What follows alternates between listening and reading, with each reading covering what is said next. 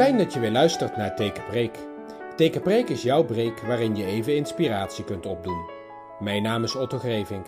In Tekenpreek neem ik je mee door een Bijbelverhaal en leg je uit wat het voor je kan betekenen.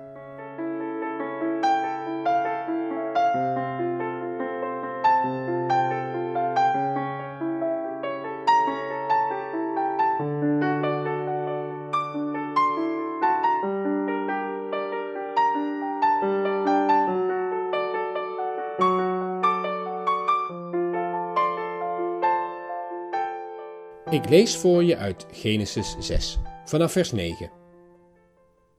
Nu volgt het verhaal over Noach en zijn familie. Noach had drie zonen. Ze heten Sem, Gam en Jafet. Noach was anders dan de mensen om hem heen. Hij was eerlijk en goed. Hij leefde als een vriend van God. Alle andere mensen leefden slecht. Ze waren oneerlijk en gemeen. God zag dat de hele aarde slecht was. En daarom zei hij tegen Noach: Ik ga een eind maken aan het leven van alle mensen, want ze zijn slecht en oneerlijk. Ik ga ze vernietigen, samen met de aarde. Verder zei God tegen Noach: Jij moet een boot maken. Je moet een houten boot maken met verschillende ruimten. Je moet hem van binnen en van buiten waterdicht maken. De boot moet 150 meter lang worden, 25 meter breed en 15 meter hoog. Hij moet drie verdiepingen hebben. Er moet een raam in de boot zitten en een deur in de zijkant. Je moet een halve meter openlaten tussen het dak en de zijkanten. Ik laat de aarde volstromen met water, heel veel water. Alles wat leeft zal sterven, alles en iedereen op aarde. Maar ik beloof dat ik jou zal beschermen. Jij zult veilig zijn op de boot. En ook je vrouw, je zonen en hun vrouwen zullen veilig zijn. Je moet in de boot ook dieren meenemen. Van elke soort een mannetje en een vrouwtje. Dan blijven de dieren leven, net als jij. Van alle soorten vogels, van alle soorten vee en van alle kleine dieren zullen er twee naar je toe komen. Je moet ervoor zorgen dat je in de boot genoeg eten hebt voor jullie zelf en voor de dieren. Noach deed dat allemaal. Hij deed precies wat God gezegd had. Toen zei de Heer tegen Noach: ik heb gezien dat jij eerlijk en goed bent, jij als enige van alle mensen die nu op aarde leven.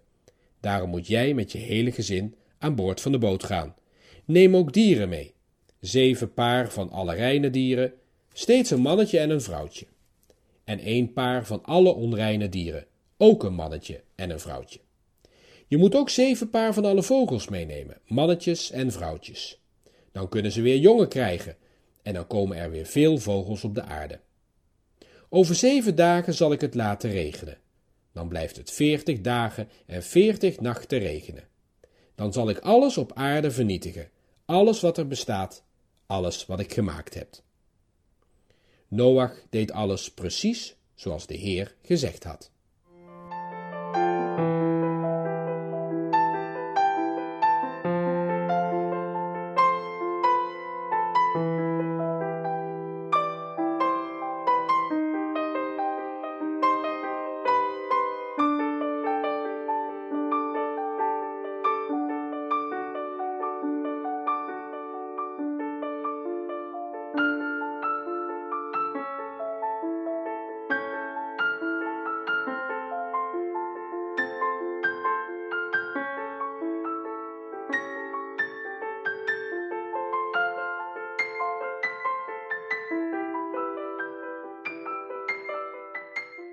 Het verhaal dat we lezen is een van de oerverhalen uit het eerste Bijbelboek van de Bijbel, Genesis.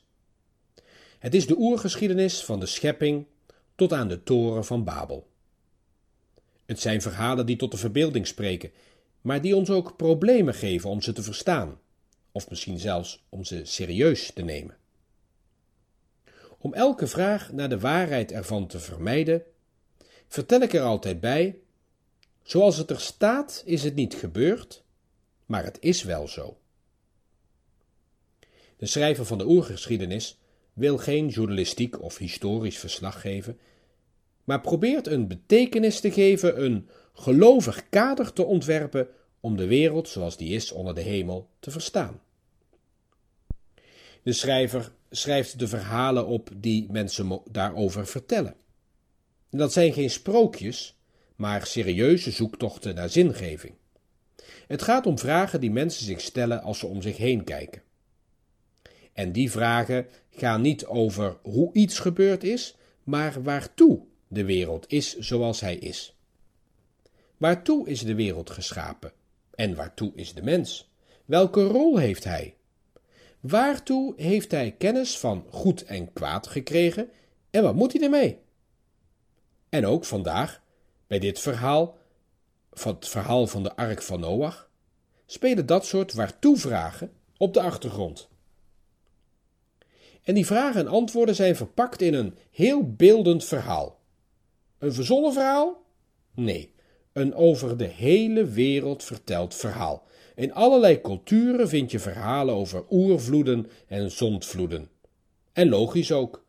Wie ooit op land een fossiel vindt met een afdruk van wat ooit een vis was, die wordt geprikkeld tot verhalen over een tijd dat het water al het land bedekte. En dat verhaal is het toneel om over Noach en zijn ark te vertellen. Een fantastisch en beeldend verhaal. Voor veel kunstenaars een inspiratie en zelfs ook voor speelgoedfabrikanten. Ik durf te zeggen zonder al te veel onderzoek dat het tafereel van de ark van Noach het meest gebruikte bijbelse tafereel is in modern speelgoed. Of het nu bij Playmobil is of andere varianten, het is er. In het begin van mijn predikantschap gaf ik bij de doop van een tweede kind aan het oudste kind een knuffelark van de HEMA, waarvan ik de laatste tien exemplaren had opgekocht. Het spreekt tot de verbeelding van kinderen, ook als ze op school zitten, al komen dan de vragen. En niet alleen over wat Noach deed met de mest. Nee, allerlei vragen van hoe kan dat nou? Bijvoorbeeld alle mensen en dieren op het land en in de lucht gingen dood door het water, maar wat gebeurde er met de vissen?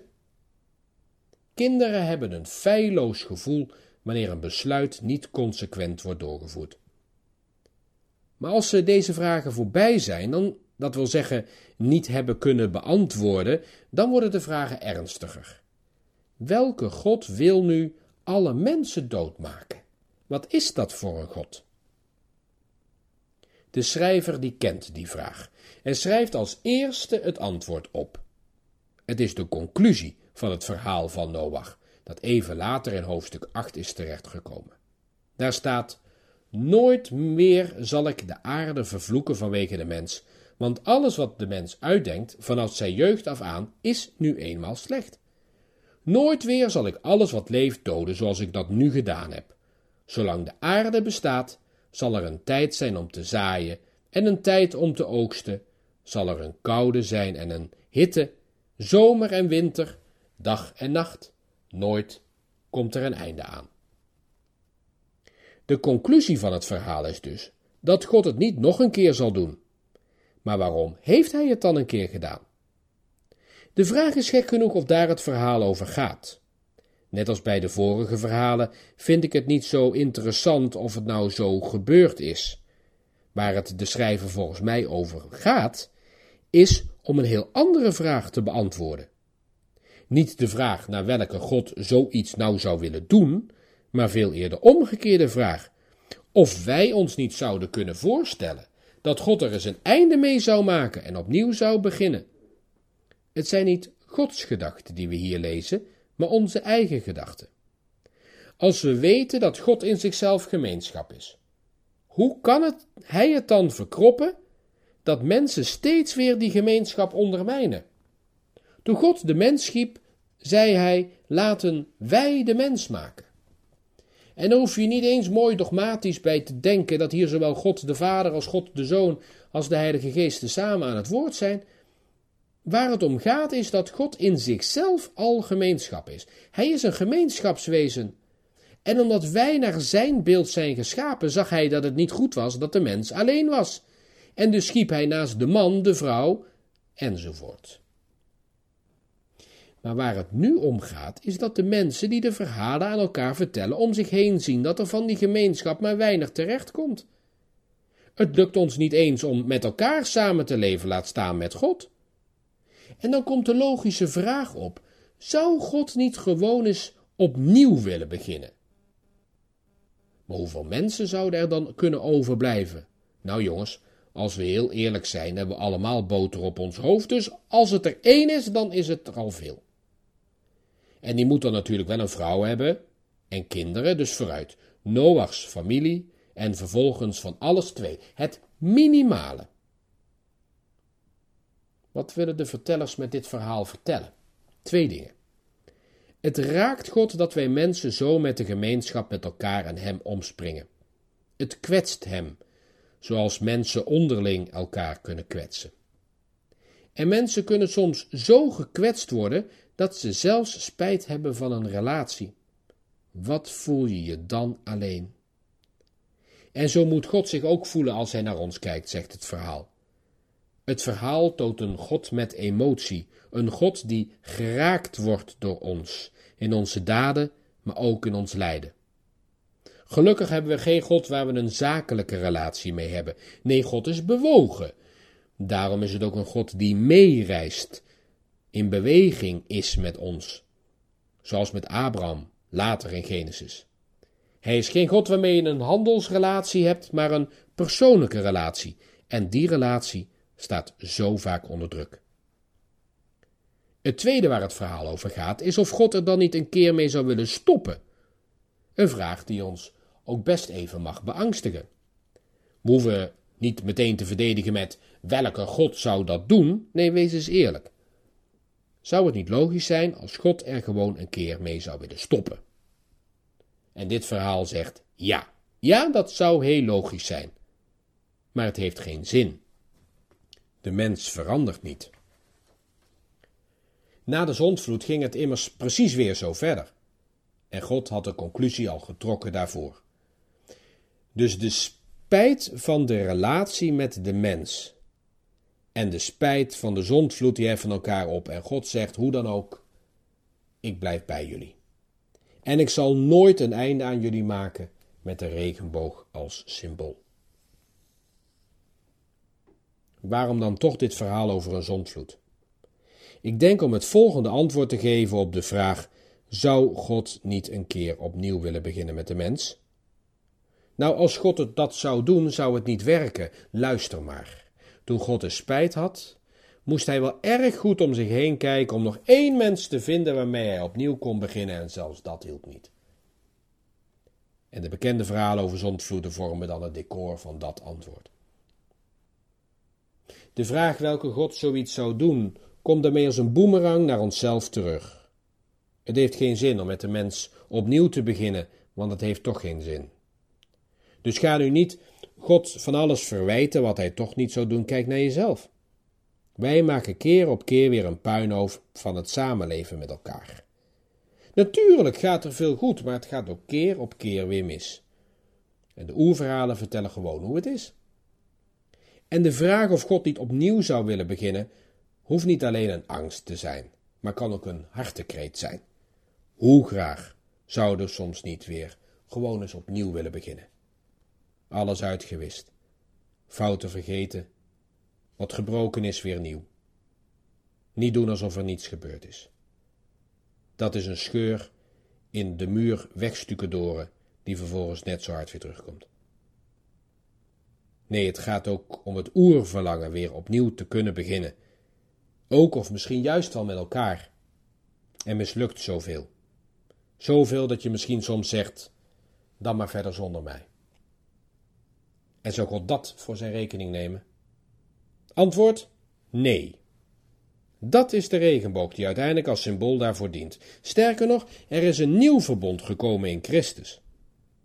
God wist dat de uitweg niet kon komen van één mens en zijn familie, hoe rechtschapen ook, de mens blijft wie hij is. God wist dat de uitweg van hem moest komen en draaide hij het weer om. Als hij opnieuw zou willen beginnen met de mens, heeft het geen zin als zij eerst het veld ruimen. Het heeft alleen zin als hij zelf eerst het veld ruimt. De relatie kon niet vernieuwd worden van de kant van de mens. Dat zat er niet in. En dat wist God al. Dat is wat het verhaal van Noach eigenlijk zegt. En het verbond in, het, in de regenboog laat zien dat de relatie alleen vernieuwd kan worden van de kant van God.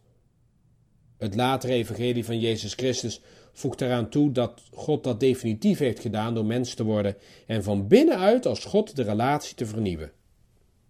Hoe onterecht ook, omdat God geen enkele blaam treft, heeft God het op zich genomen om de relatie te vernieuwen. Een voorbeeld dat we nauwelijks kunnen volgen, omdat ons de kracht ontbeert onze gekwetstheid te overstijgen. Daarvoor zijn we nog te zeer van de oude Adam, dankzij of ondanks onszelf. De nieuwe mens, Jezus, maakt de weg vrij om opnieuw te beginnen, met Hem en met elkaar. Zijn beeld van de goede herder is niet minder dan een beeld van een God die bij ons blijft. We hoeven niet bang te zijn dat we een zonsvloed over ons heen krijgen. We mogen wel dankbaar zijn dat we opnieuw kunnen beginnen. We hoeven niet te leven naar de oude last die we met ons meezeulen en mogen als nieuwe mensen opnieuw beginnen. Het verhaal van Noach zegt er echter wel in alle ernst bij. Het is niet dat ik je waarschuw, want God zal nooit zo'n zonsvloed doen, maar besef wel dat dat nieuwe begin geen goedkope genade is, maar een genade die een verplichting in zich heeft. Want eigenlijk zijn wij zelf verantwoordelijk. Maar omdat de redding van God moest komen, heeft Hij dat gedaan. Wees daarom dankbaar, in woord en in daad.